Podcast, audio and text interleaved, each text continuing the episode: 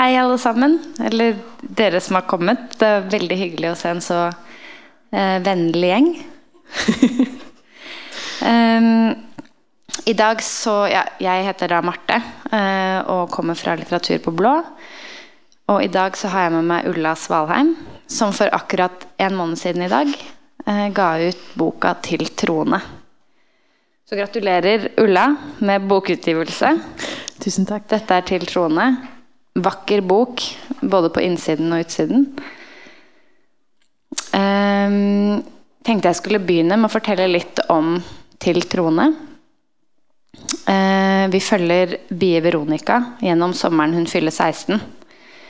Og hun bor idyllisk til ved sjøen. Uh, et lite tettsted. Er det Tvedestrand, holdt jeg på å si. Jeg begynner med den sjølbiografiske lesninga med en gang. Men jeg lurer så på hvor det ligger, eller hvor det er. Det står ikke hvor det er. Nei, fordi det er Og så har jeg lest en anmeldelse hvor de påstod Ja. det var Sørlandet. Ja, ja, det stemmer jo det, da. Ja. Eh, her bor Bie i hvert fall sammen med mor og far og to yngre søsken. Uh, hun jobber på kirkegården denne sommeren. Eh, og der har en klassekamerat nylig blitt begravet etter å ha krasja med moto, nei, moped. Eh, og da, ja, omkommet. Så derfor så er han begravet der. Um, Bie har vokst opp i et, om ikke kristent miljø, eh, så i hvert fall i en kristen familie. Og utover sommeren så begynner hun i langt større grad enn tidligere å reflektere over egen tro. Eh, hun stiller seg også, vil jeg si, mer krevende og insisterende til troen og til Gud. Og Vi skal gå nærmere inn på denne trostematikken etter hvert. Eh, Men først så har jeg veldig lyst til å høre mer om fortellingens opprinnelse. Så hva var motivasjonen for å skrive boka? Hvordan har det vært å skrive boka? Eh, Det har vært fint. Nei, Ja. nei unnskyld. Uh, nei, altså på mange måter så er det uh, en bok jeg har brukt lang tid på. Uh, og um, på- en annen måte så har det gått ganske fort. For, fordi jeg har, jeg har skrevet om Bie Veronica av og på hele mitt voksne liv. Hva, hva er ditt voksne liv? Eller når begynte du? ca. 20, da. Ja. Ehm, ja.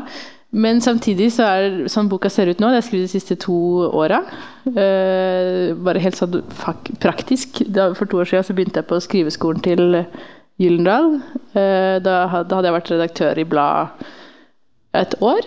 Uh, og innså at det hadde fortrengt all egen skrivetid. Eh, og jeg tenkte at hvis jeg, hvis jeg mener noe alvor med det her, da, da bør jeg gjøre noe. Og gjennom den skriveskolen så fikk jeg praktiske frister en gang i måneden og hadde noe å levere inn til. Og det er liksom fra da av jeg har skrevet den boka her, da. Um, og det er fra, fra samme tidspunkt jeg tenkte at ja, men det er tro og hvordan et trosblikk på verden ser ut, jeg ønsker å utforske. Eh, tidligere så har det liksom vært ja, litt ymse, da. Litt ungdomstid, litt det ene og det andre. Men eh, det som har blitt til bok, det er liksom to, to år gammelt. Ja, ja. Så er det et litt et produkt av skriveskolen, nesten? Ja, men så slutta jeg der, da. Ja, ok. Ja. og eh, det var fint å gå der, eh, men mest fordi jeg fikk frister. Ja. Ja. Eh, jeg lurer veldig på um, Bie. Bie Veronica. Ehm, så hvem, hvem er hun, og hvordan måtte, kom hun til deg?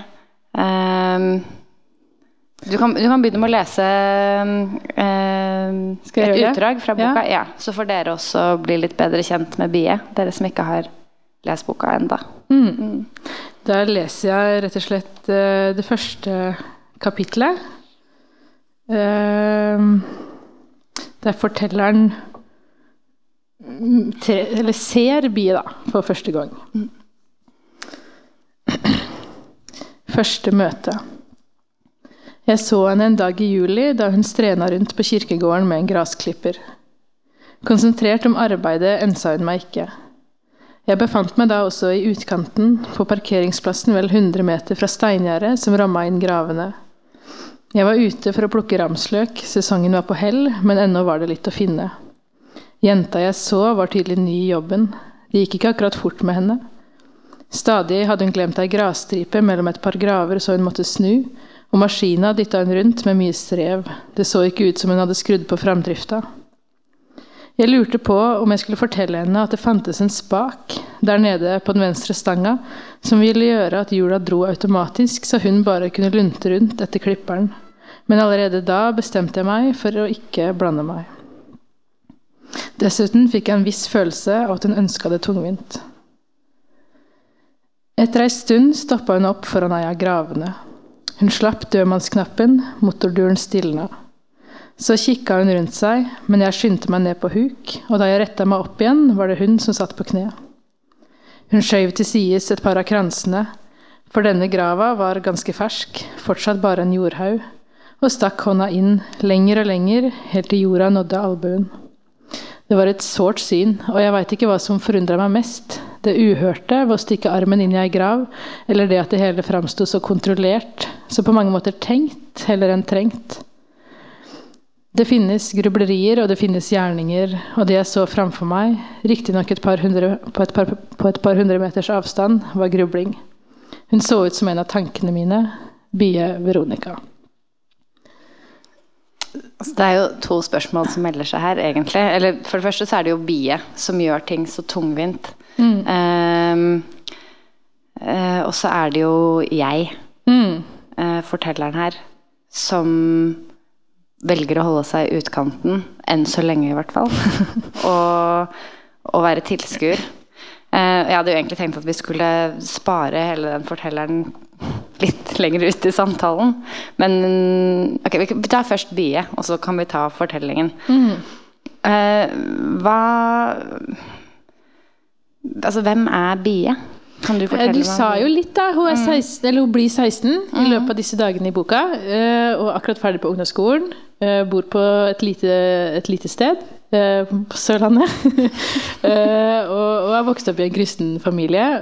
og men er liksom ikke, er ikke det er ingen rundt henne som er på en måte kristne på egen alder, i hvert fall som, hvert fall som hun har fått med seg. Uh, ingen som går rundt og flagrer det. Uh, og i etterkant av at denne klassekameraten som heter Jon, dør, uh, så har klassekamerater skrevet innlegg på Facebook som de avslutter med 'Du er i himmelen nå', 'Vi ses ja. igjen'.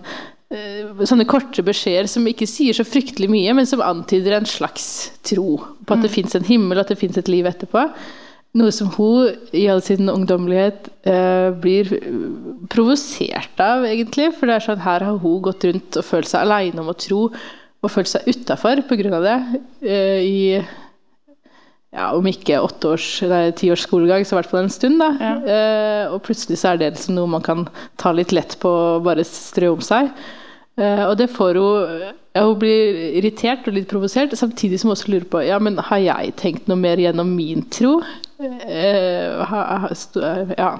Så det blir en anledning for hun til å tenke gjennom hva hun har vokst opp med, og ta stilling til det, uh, rett og slett. Mm. Mm. Og det er jo For å gå litt over på dette med arv og valg. Mm. Altså du skriver jo, eller Det står jo bak eh, på baksideteksten til boka mm. så står det jo at det er en roman om å velge troa. Nei. Om å få den i arv. Det er jeg som har skrevet den setningen. Det er du. Ja, det, jeg tenkte, tenkte, meg det. Ja, det eh, jeg tenkte etter, jeg, var, jeg, var, ferdig med boka eh, og fikk dette spørsmålet om jeg hadde noen tanker om baksidetekst. Og da tenkte jeg over hva slags bok er det her, egentlig. Jeg visste jo at jeg hadde skrevet om tro, og jeg hadde på en måte veldig bevisst valgt å utforske et trosblikk på virkeligheten og fortolke, all den fortolkninga som hører et troende menneske eller troende blikk til, da, men eh, tenkte jeg oppdaga ettertid ja, men det her handler jo om å arve troa. Nei, det handler om å velge den. Og så klarte jeg ikke helt å bestemme meg, på en måte. Så jeg, sånn jeg ser den setninga, så er det på en måte ikke en motsetning nødvendigvis, men mer sånn en setning som tenker seg litt om, og ja. mener litt begge deler. Ja, Så det ikke, ender ikke opp med at nei, men det er jo åpen for tolkning, da. Ja. Hvis du vil tolke det annerledes, så skal du jo få, lov. Ja, hva, du, hva, tenker du at hun arver her, og hva tenker du at hun velger gjennom boka? Um, Med arv så tenker jeg at det, uh, når man vokser opp i en familie som tar deg med på gudstjeneste, og vokst opp med eh, Jeg ser for meg kveldsbønn, bordvers, den type sånne ganske konkrete ting. Eh, så, så er det jo på en måte noe du har vassa rundt i i 18 år, da, eller hun er 16 på det tidspunktet her. Ja. Um, så, så det er på en måte der overalt. Samtidig som i den familien hun har vokst opp i, så har de ikke snakka så mye om det. Så det er noe det er noe ytre som hun kan velge å ta til seg og gjøre til sitt eget liksom, sin, sin egen tro. Da, og gjøre til sitt eget indre tilslutning, eller hva man skal Ja. ja, for det er veldig spennende, for hun får ikke så veldig mye hjelp, på en måte, eller veiledning i, innenfor kristendom eller innenfor troen av foreldrene sine. Hun tar dem jo i å både be, og hun finner jo moren sin bibel, og hun får jo, eller arver jo dette sølvkorset fra, fra bestemoren sin. Men det virker ikke som det er noen som egentlig Ja, de vil på en måte kanskje Jeg vet ikke om de vil inkludere henne, eller om de Eller hun, hun føler seg iallfall ikke inkludert i deres tro. Hun føler seg vel mer som en tilskuer eller som en Ja, hun føler ja, at, de, at de ikke har ja, Hun syns liksom at, de, at dette har de ikke inkludert meg i. Nei. Hun har fått ta del i eh, Jeg har vært med på gudstjeneste, men de har ikke liksom forklart ja, men hvorfor gjør vi det her. Hva Ja. betyr det for oss? Det har de ikke fortalt henne. Eh, men jeg, sånn jeg tenker på det, så er det også litt altså Hun er jo en ungdom, da. og um, når hun blir på en måte litt sånn provosert, eller sånn hun oppdager uh, moras bibel i nattbordskuffen hennes, tar den med seg inn i en bunke med tøy og leser i denne bibelen i smug. Ja. Uh, så det, det er på en måte Det er litt som å oppdage at foreldrene hennes er som, altså, tilsvarende det å komme fram til det at ja, men foreldrene mine er også seksuelle vesener. Det er liksom litt Ja. samme sånn, ja, men de har sitt eget private liv. Hæ? Ja. Hvorfor har de ikke sagt det til meg? på en måte? Det er litt tilsvarende oppdagelse. Um, men jeg, jeg tenker, altså Det er foreldre som har ønska at hun skal ta et eget valg, samtidig som de har ønska å på en måte formidle hva, hva de tror på. Ja. Uh, og det har vært interessant for meg å se i forskjellige anmeldelser jeg har fått, eller også intervjusituasjoner jeg har vært i, så har det vært varierende hva de tenker om denne familien. Hvor kristne er de? Det er Ja. sånn I noen sammenhenger så er det sånn at de er kjempekristne. uh, mens i andre sammenhenger Jeg ble intervjua av eh, Krigsropet, som er Frelsesarmeen sitt medlemsblad. Uh, og det var sånn ja, men Hun syntes ikke de var så særlig kristne. Hvorfor, hvorfor har de, de, sa, de sa jo ingenting. Det virka ikke som det betydde så mye for dem. ja. Hva tenker du, da? Jeg syns det er litt interessant i det hele tatt, den herre eh, Måten altså Bare å kalle noen veldig kristen er litt rar, da. Måle, Ja. måle liksom grad av religiøsitet i en Men det er jo også, tenker jeg, en forskjell på religion og, og tro, på en måte. Altså det, det Bie er veldig opptatt av, er jo det sånn Hva er å tro? Når vet jeg at jeg tror? Ehm, og at man kanskje ikke finner det eh, ved å sitte og sitere Fader vår, f.eks. Eller at man må finne sin egen, som du sa, sin egen måte å tro på. Som kanskje ikke nødvendigvis har med disse nedarva eh, tradisjonene knytta til religionen å gjøre. Da. Mm. Men jeg tenker, altså det jeg også ønsker med dette med arv eh, versus valg, er ja, egentlig bare å påpeke det helt åpenbare at man arver utrolig mye fra omgivelsene sine. eh, og at Altså, man begynner ikke på bar bakke, da. Eh, og ofte de fortellingene som jeg har oppfattet at fins i, i kulturen og i bøkene, eh, er at hvis man har arva en tro, så fins det fortellinga hvis man har gjort oppgjør med et visst sneversynt måte å, eh, måte å tenke på, måte å tolke verden på. Eh, og det er, liksom, det er det man sier om å handle tro, da slutter man Ja. på en måte. Men det her er Uh, ja, mer en fortelling om å arve troa og å velge den. Uh, og på en måte der også valget er litt sånn Ja, når nøyaktig velger hun den? Jeg veit ikke helt, på en måte. Men på et eller annet tidspunkt så har hun valgt den allikevel. Ja. Du velger jo den når du fortsetter å lure på kanskje om du Ja, velger den, eller Ja. om du arver den. Altså idet du tar i det spørsmålet Og det syns jeg er veldig fint sånn avslutningsvis, sånn jeg leser det iallfall, at det handler ikke nødvendigvis om dette eh, at du skal ta et valg og definere og Nå står jeg på den siden, eller nå står jeg på den siden. Det handler mer om det å, å tenke på dette valget, eller tenke på dette her Hva er det? Stille disse spørsmålene. Det er det som kan være å tro, da. På en måte. At du fortsetter å stille disse spørsmålene uten at du nødvendigvis lander på et tydelig svar. Um, Bie er i hvert fall altså hun, hun prøver jo å finne ut av dette her, da. Uh, hva, altså, tror jeg? Tror jeg nok? Tror jeg litt? Um, og så bakt inn i dette her så er det jo masse sånn Hva skjer etter døden? Uh, hvem er Gud? Eller hvor er Gud? Eller uh, leter etter tegn? Eller sitter og studerer Jesus og vil Eller eh, maleri av Jesus på Ja, nattverden. ja. Og vil gjerne at han skal liksom bare rynke på et øyenbryn eller liksom på nesa, eller liksom gi seg til kjenne da, på en eller annen måte for henne, sånn at hun vet at ah, nå Ehm, Og jeg tenker at den hennes uh, trosspørsmål eller trosprosess sammenfaller veldig med den um, ja, utviklingsprosessen hun har i boka. Hun er jo, et, hun er jo ungdom, eller midt mellom barn og voksen. Det er jo en dannelsesroman på mange måter, eller vil du kalle det det? Jeg er ikke imot det. Nei. Jeg har ikke tenkt, eller jo, jeg har jo åpenbart tenkt at jeg skriver om ja, ungdomstid der man, der man prøver å finne ut av seg sjæl, for å si Ja. det litt Ja.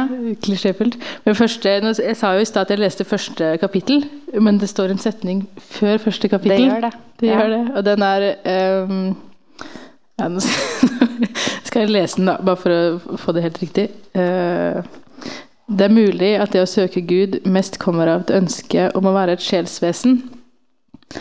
Eh, og jeg tenker at Det er en setning som står både til det her med å, å finne ut av troa, men også det med å finne ut av hvem er jeg. Uh, og det her med å ønske å være et sjelsvesen. Det jo, går mye på å ønske å være sin egen person. Og, og være et bestemt menneske som jeg er den som jeg vil være, og den jeg føler at jeg er. på en måte. Ja. Uh, og det går jo rett inn i ja, i, i dannelse og coming of age og ja, de Hva man skal kalle det. Ja, ja. Ehm, men eh, ja, altså hvilke Hvordan er det hun utvikler seg egentlig? Altså, men, og det tenker jeg også at altså hun har jo faktisk altså det, En klassekamerat som nettopp er død. Mm. Det er jo i seg selv en ganske sånn omveltende Det kan fungere som en slags modningskatalysator. Eh, og hun baler med Gud. Mm. Ehm, ja. Vil du si noe mer om utviklingen til Bie gjennom boka? Ikke bare liksom den, den, rundt dette trosspørsmålet, men sånn Altså øh, Det er flere ting jeg kan øh, si. Eh, på en, altså det, eh, boka foregår i løpet av halvannen uke. Tror jeg, i løpet av sommeren, Så det er litt begrensa hvor mye hun utvikler seg, egentlig. Tenker på det litt Jeg mer syns som hun utvikler seg masse. Så interessant. Men ehm, jeg, syns det er flere prosesser å gå gjennom. Eh, for, for, for det første, noe som på en måte ikke blir skrevet, har blitt skrevet så mye om i anmeldelser, og sånn, men hun deltar jo i en demonstrasjon mot veiutbygging. Yes. Eh, og det er, det er ikke hun som tar initiativet, eh, men, fra, men hun blir med på det sammen med et par eh, klassevenninner, eller altså bekjente fra klassa da.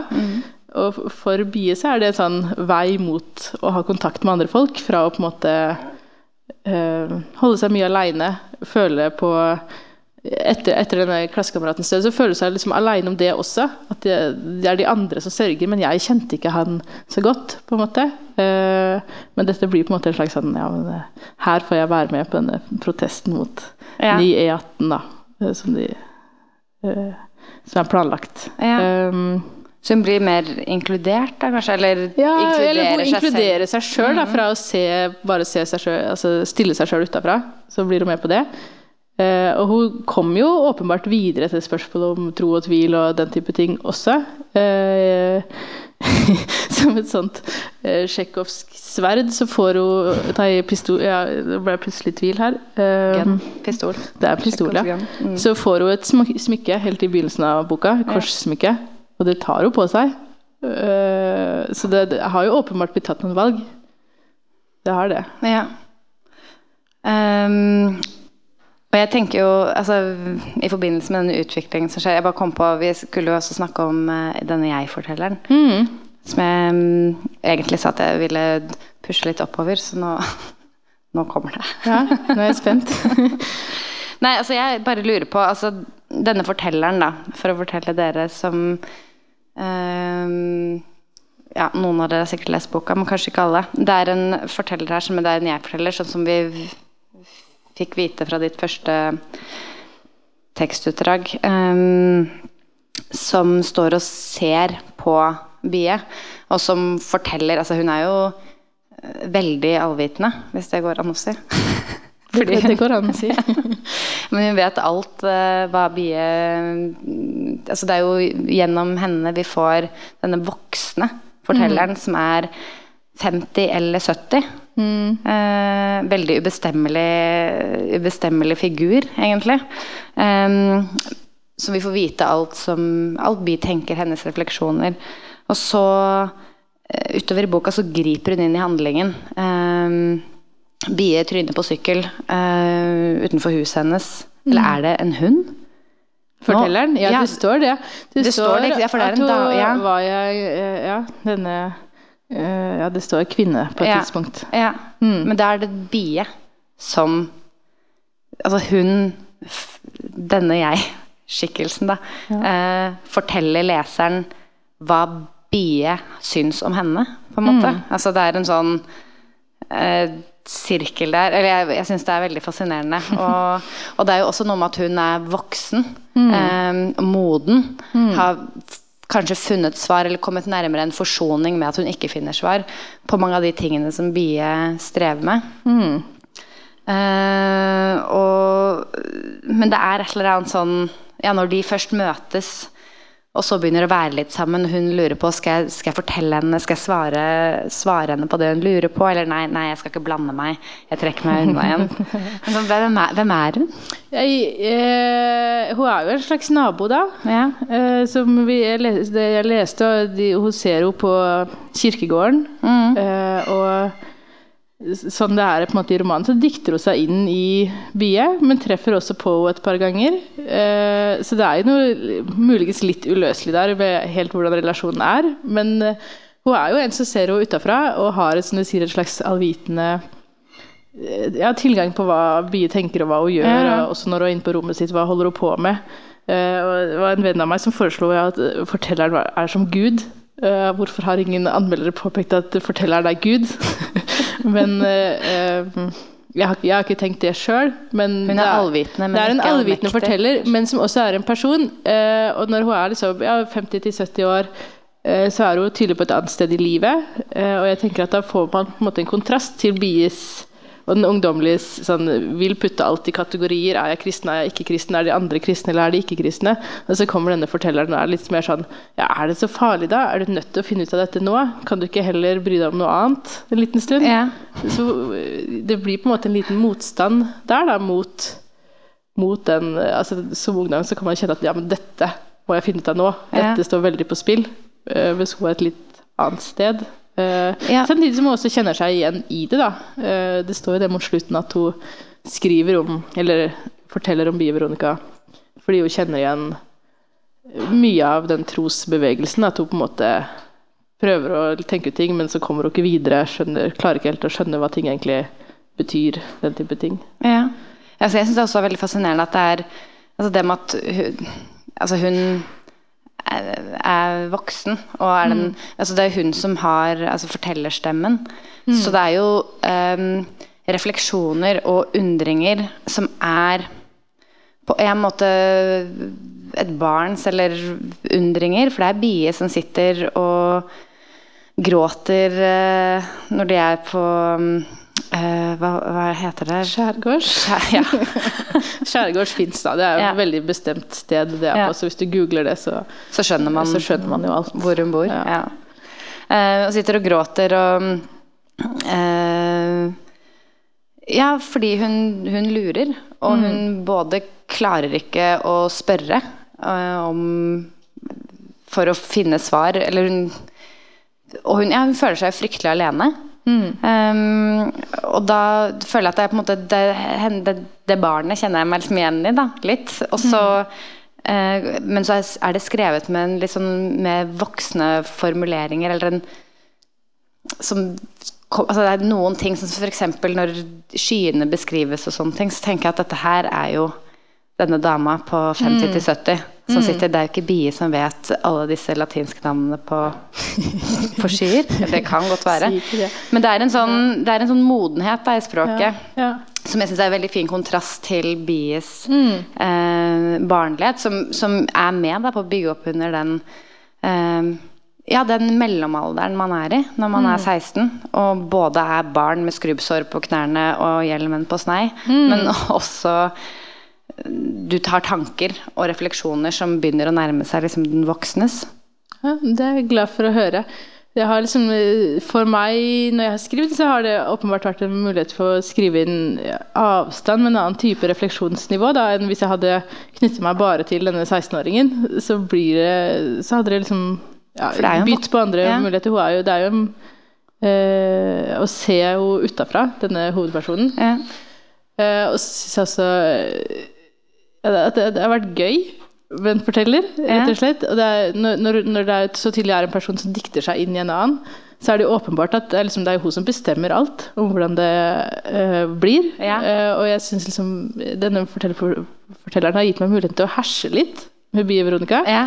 Eh, både sånn Noen ganger med litt overtydelighet, andre ganger med bare liksom insistere på at Bie Veronica 16 år er et barn. Ja. Og det er sånn, Ofte i fortellinger om 16-åringer i dag, så er det sånn eh, det, du, eh, altså, Eller egentlig, 12-åringer er jo sånne bråvoksne seksuelle vesener, egentlig. Og så er denne 16-åringen og er et barn. Ja. Uh, og- det er på en måte, så det er litt i protest mot bare For 16-åringer er jo også barn.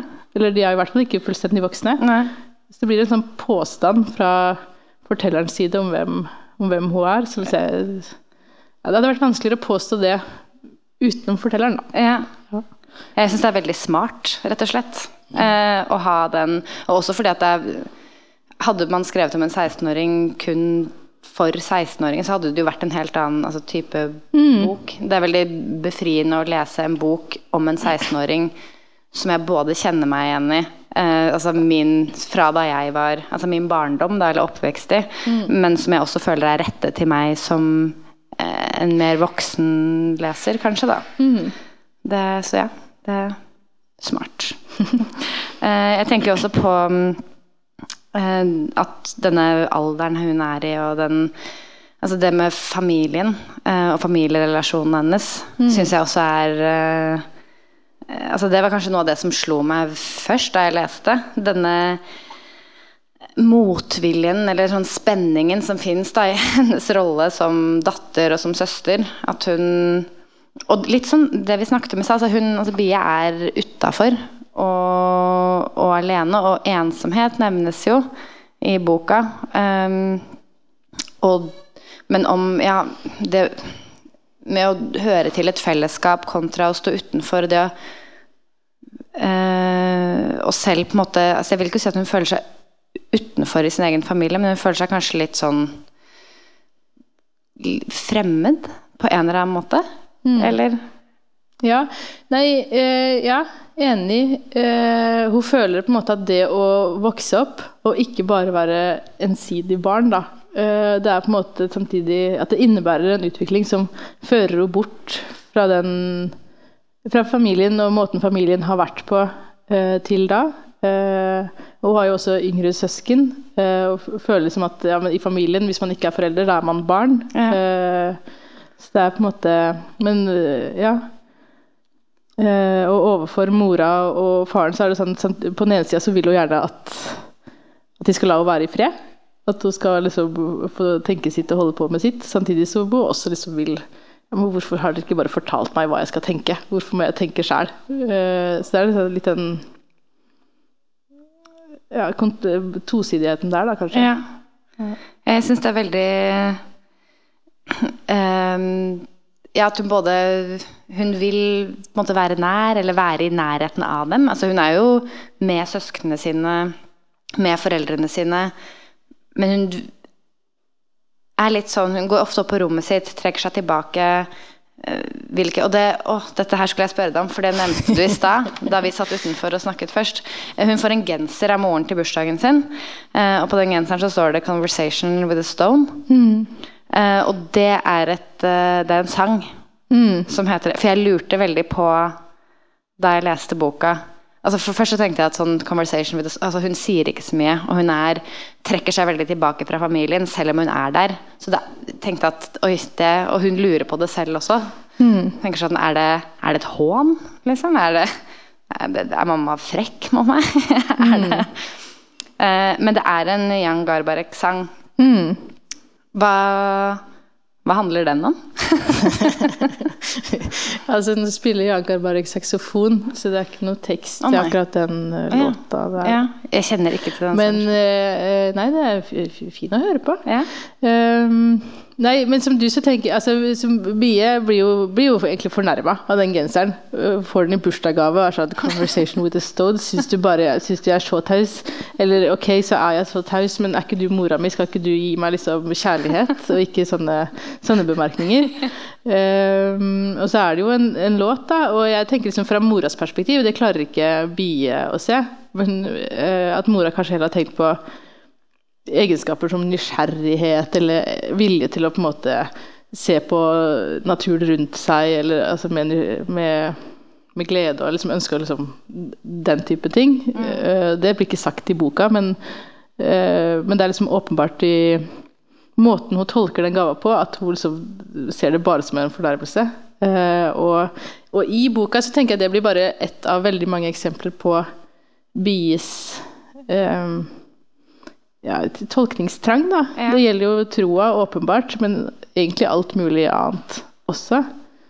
Uh, og at du er Det vitner jo gjennom uh, ja, nysgjerrighet for så vidt, men en, like mye tvil på hva tenker jeg om ting, og hvem er jeg? Og hun suger liksom alle, alle ord som kommer hos vei om hvem hun er, veldig til seg. Ja. Uh, også når det gjelder Det er jo derfor fortelleren enser dette. Og, og det, er- nettopp derfor så vil hun ikke vil jo ikke gi Bie de tolkningsnøklene og tenker at hun må finne de sjøl. Ja. Men uh, Det må man jo. man, man må jo det. Men Ja. man blir jo ikke til aleine heller, da. Nei.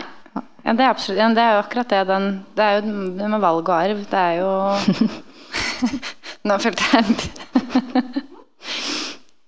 Ja, vi snakker om din bok, holdt jeg på å si. Nå følte jeg at jeg begynte holdt på å si arv og miljø et lite øyeblikk, men dette er noe helt annet. um, eh, Bie. Navnet. Ja, Hvor kommer det fra? Det er et veldig uvanlig navn. ja da. Eh, men det høres ut som et navn. Mm. Jeg syns det høres ut som et navn. Det gjør det. Bie V også kalles Bie hun. Ja, ja det står, blir jo da forkortelse for Veronica, men Ja, ja. eh, veksler litt. Eh, nei, det står Det hadde jeg egentlig tenkt jeg skulle lese i stad, men jeg, sånn har det ikke blitt. Men, Nei, jeg tenkte at eh, du, dette var en inngang, så du kanskje ja. kunne lese den. nå. Jeg jeg, har helt glemt at du skulle lese utdrag. Ehm, nei, det, det, det, står at hun var oppkalt etter foreldrenes fruktbare unge år. Altså bie, er- Veronica er en blomst, eh, rett og slett. Det blir jo blomsten, Og det blomsten er og, blomsten bien. og bien, ja. Og det spiller jo litt på dette med arv, at hun ja, er en frukt av deres kjærlighet, for å si det litt flåsete. Eh, men, også, men så blir det jo på en måte også noe i boka der hun ser en bie og sammenligner seg med den. Så det, blir, en måte- det, det åpner opp for alle disse sammenligningene, eh, tenker jeg da. Og bier, hva kan man si om bier? De surrer rundt. Eh, Det gjør hun også. ja. Ja. Men, det er jo også Men det er jo på en måte Det er, jo, det er som livet selv, da, på en måte. Altså, ja, nei, men de Det er sånn Når man kommer til den frasen, da har man kommet til kjernen, tenker jeg. Men, men, øh, men det er jo sant da, Marte. Men, um, ja, men Jeg tenker på men- dette med Guds hage og mm. hele ja, men, ja, ikke sant? Ja, det er øh, et av de første kapitlene spiller, sånn jeg ser det, mye på liksom det her med Edens hage og liksom livets begynnelse, eller fortellinga om den gode hagen, Mm. Eh, som liksom dette ultimate gode stedet. De ligger jo og spiser rips sånn, og jeg husker at jeg spiste rips sånn da jeg var liten og bare dro hele Ja. stilken, eller klasen, Mm. på en gang. Men jeg tenker jo også navnet eh, altså Nå snakka vi litt om arv i stad. Eh, Og er det noe navnet Bie Veronica gjør, så er det kanskje å tydeliggjøre henne som et enkeltmenneske, da. Det skiller seg jo litt ut. Ja. Eh, og det skiller seg også ut, ut som et fiktivt navn. Ja. Ja. Mm, så det blir på en måte litt en motvekta der. ja. Eh, Skulle jeg lese? ja, eller vi, Jeg tenkte vi kan lese um, Vi kan lese, du kan lese. Um, eller jeg vil faktisk også lese noe. Eh, men det handler litt altså tilbake til det med bie da, som en um, uh, sånn uferdig i støpeskjea. Uh, det er, og det syns jeg er eh, utrolig bra med denne boken her Den har veldig, veldig mange fine lignelser. Og Eller metaforer. Altså det er um, Ja, jeg skjønner ikke hvor de kommer fra helt, men jeg syns de er skikkelig kule. Og du skal få lov til å avslutte samtalen med Eller nesten kanskje avslutte med eh, kattene, kattene dine. altså, skal, men jeg skal bare ha én først, som jeg har hvis det er greit. Mm, ja, ja, ja. Som er veldig Som jeg likte veldig godt. Skal vi se Ehm.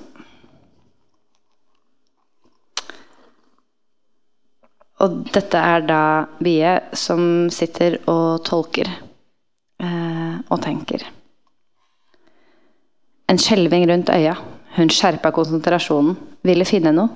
Men det hun fant, hva da? Smatt unna før hun fikk tak i det.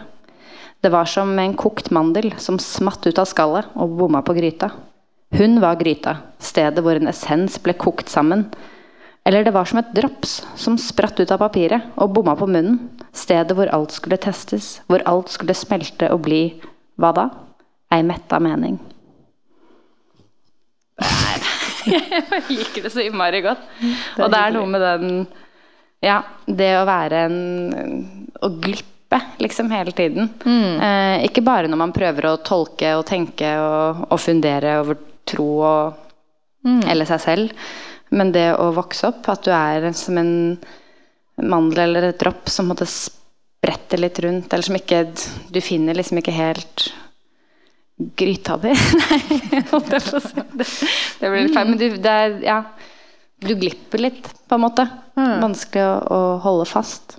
Jeg kom på nå ehm, Jeg sa jo i stad, eh, eller helt i begynnelsen, at eh, det som er boka nå, Ja. har jeg skrevet sånn cirka de siste to åra. Og omtrent eh, ja, Da jeg starta med det, da, så var jeg, jeg var ute og gikk, og kom tilfeldigvis på ordet metaformose.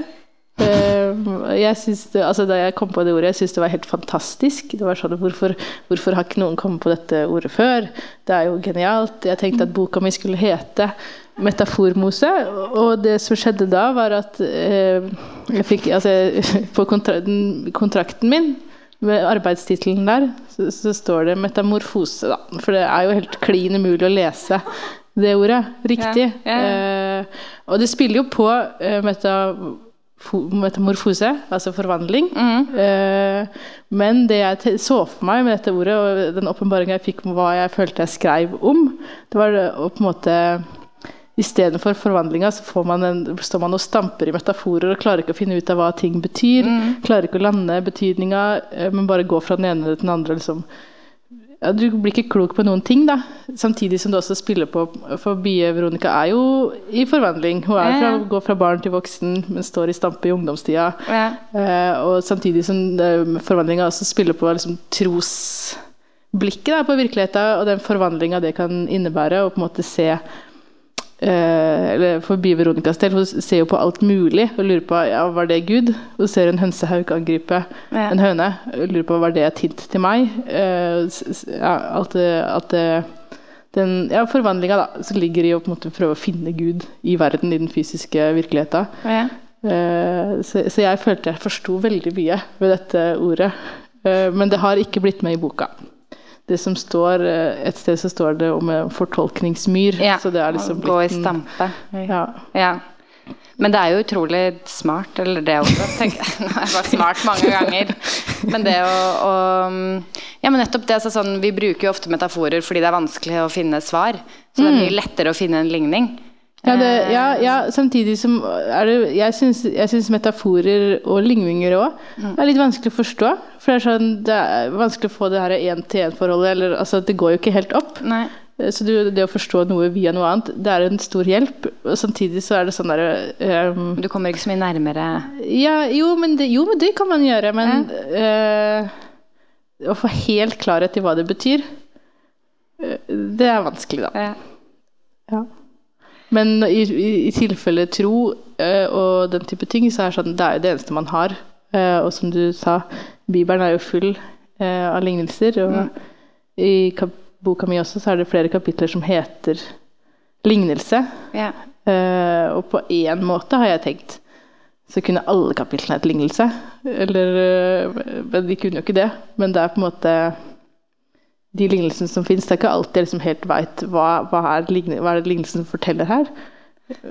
Jo, men det er jo altså, Bare det at du har noen kapitler som heter det, gjør at jeg leter etter lignelser veldig mange steder i boka. Selv om det ikke nødvendigvis eh, eh, serveres på sølvfat. Mm. Ja, det er det jeg har det- litt, at uh, Ja. det sier noe om ja, form, og også bare bies blikk da, Ja. på tinga rundt seg. Mm. Vil du lese Skal jeg lese om katten? Ja, gjerne. Um, for det er en eh, det, er flere kattesekvenser i boka. Eh, og da leser jeg rett og slett tre korte sekvenser. Ja. Det første er fra ja, nokså tidlig. De holder på Det, er- det er på Bies 16-årsdag, og hun har er i ferd med å åpne det her korssmykket som hun får av bestemora. Inni den lille pakka var ei eske med et smykke i, et kors.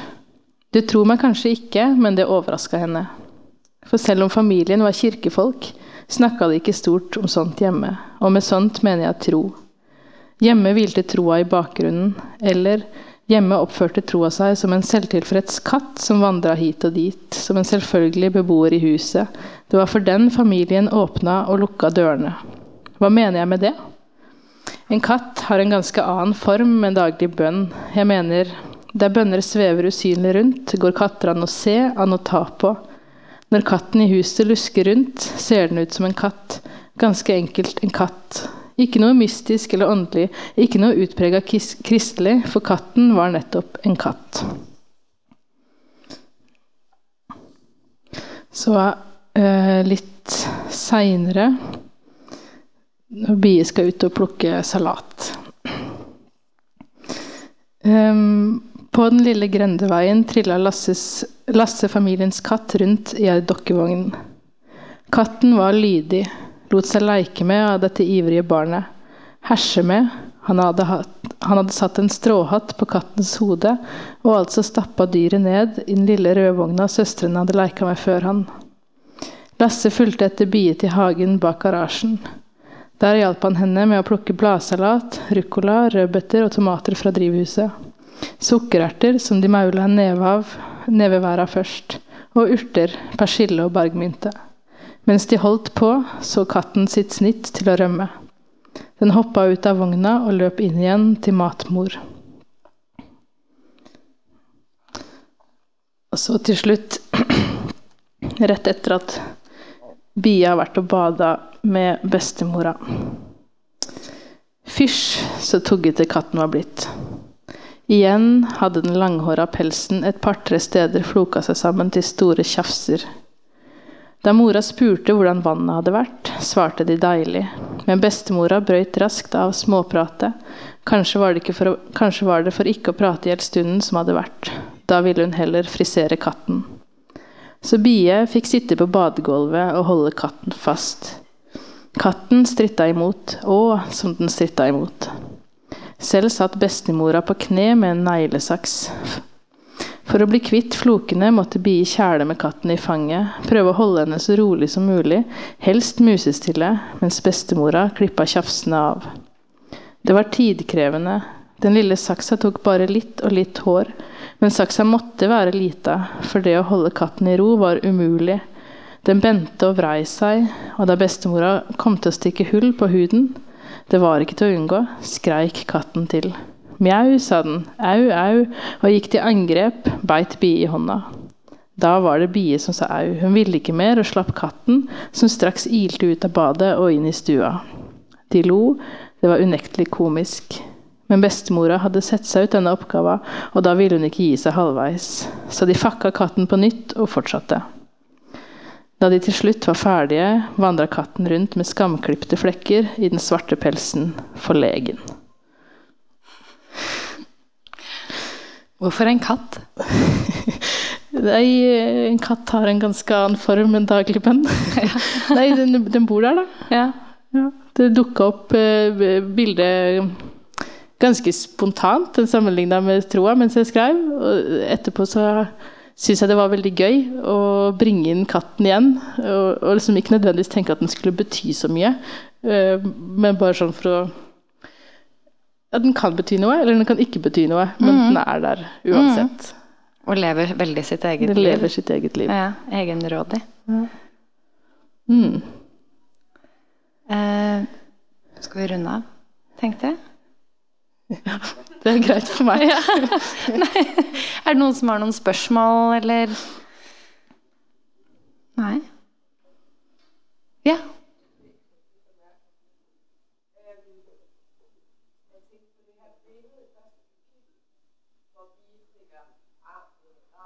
Mm.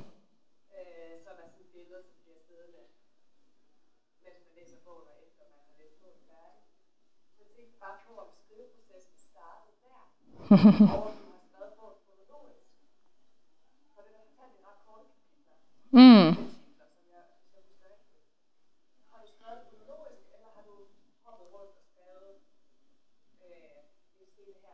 Mm.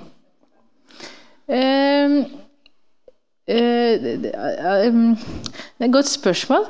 Litt sånn både og, på en måte. For en, jeg, jeg, nevnte jo at jeg har på en måte skrevet på det her veldig lenge, og samtidig, samtidig så har det her det som er blitt bok, er to, to år gammelt aller meste. Og det første kapitlet i det som nå er bok, det var det første jeg skrev da jeg følte at ja, men nå, nå begynner jeg på nytt. Nå skal jeg gi det her en ny omgang. Og da, da åpna jeg med det kapitlet. Men så er det sånn som det, sekvensen med katten, det var, noe, det var, noe, av det siste jeg skrev. Eller det var litt sånn, For jeg har eh, jobba ganske mye med å stru, strukturere det. Uh, og prøve å finne en hva skal man si, finne en tydelig historie å henge det på. Uh, ja. Og de, den katten eh, henger jo, den er jo holder bare på for seg. Det er ikke den som bærer historia, på en måte. Men en del ting har flytta en del rundt på seg. Det har det. Mm. Den har jo på en måte sin egen lille historie, den også. Ja. Den stikker jo av og blir mm. funnet igjen. Og, mm. Så det foregår jo ting med den som som er viktige. Ja. Men det er det åpningskapitlet og det med at, at, du har en forteller som ser Biveronica utafra, eh, for det første, og også på en måte gjennom den første lille sekvensen og det som ender med at hun observerer bier som på en måte desperat, vil jeg si, da, strekker hånda inn i grava. Mm. Det var på en måte for å gi meg sjøl en inngang til ja, hva er det jeg vil utforske den gangen her, og hvem er Bi Veronica? For meg var det veldig definerende å skrive den starten. Mm. Uh, Mm. Jeg tror jeg skrev den til den første samlinga på denne nevnte skriveskolen. Ja. Så den har blitt værende?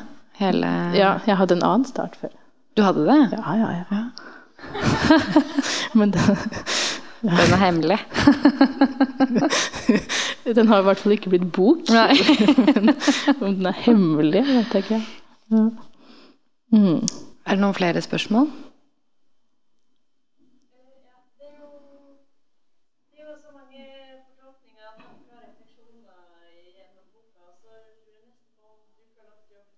Eh,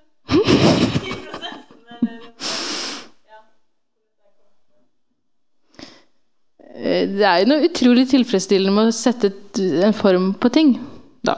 Eh, jeg må si det, og bare det å eh, Kanskje har jeg landa litt på samme sted som By-Veronica i den forstand at jeg syns ikke det er så utrolig påtrengende å få veldig klarhet i ting lenger.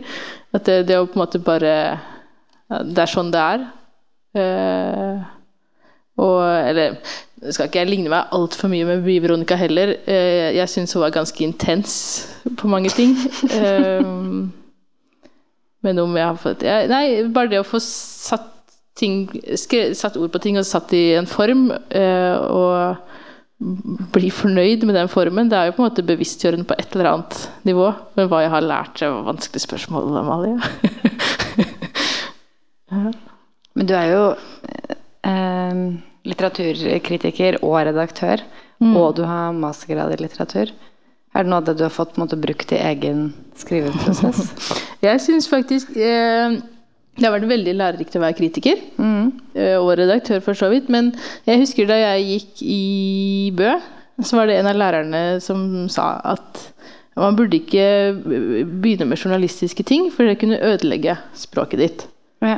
Eh, fordi det skilte seg så fra liksom en mer sånn intuitiv prosess. Jeg lærte veldig mye fint i Bø, det var helt fantastisk å gå der. Eh, men jeg syns kanskje ikke det var det beste man kunne si. Og um, for meg å være kritiker har fått være å lese veldig mye bøker og veldig, gjøre seg opp masse meninger om hva som funker og hva som ikke funker. Og, og også få innblikk i hva som fins i litteraturen. Eh, jeg må jo si at den ekstra, altså Jeg er åpenbart interessert i tro, men det blir jo en ekstra motivasjon å se at det er ikke så mye som skrives om det. Eh, så for meg så har det vært veldig nyttig å være kritiker. Eh, og jeg syns også det er kreativt arbeid, rett og slett. Eh, der man får brukt Altså få satt ord på ting, få brukt seg sjæl, få skrevet. Så for meg har det vært veldig nyttig. Og det er jo klart nyttig. Altså, man kan Jeg skrev Jeg har skrevet om Ann Carson sine metaforer om Gud i masteroppgaven min, så man kan spore ting både her og der. Ja. ja det kan man. Mm. Vil du skrive flere bøker? Eh, jeg har jo lyst til det. Mm. Eh, men eh, det, det, kommer jo an på hva jeg får til. Ja. ja. Jeg tror du får til. Hvis du vil. mm. Er det noen flere spørsmål? Da sier vi tusen takk, Ulla, for at du kom. Takk for meg.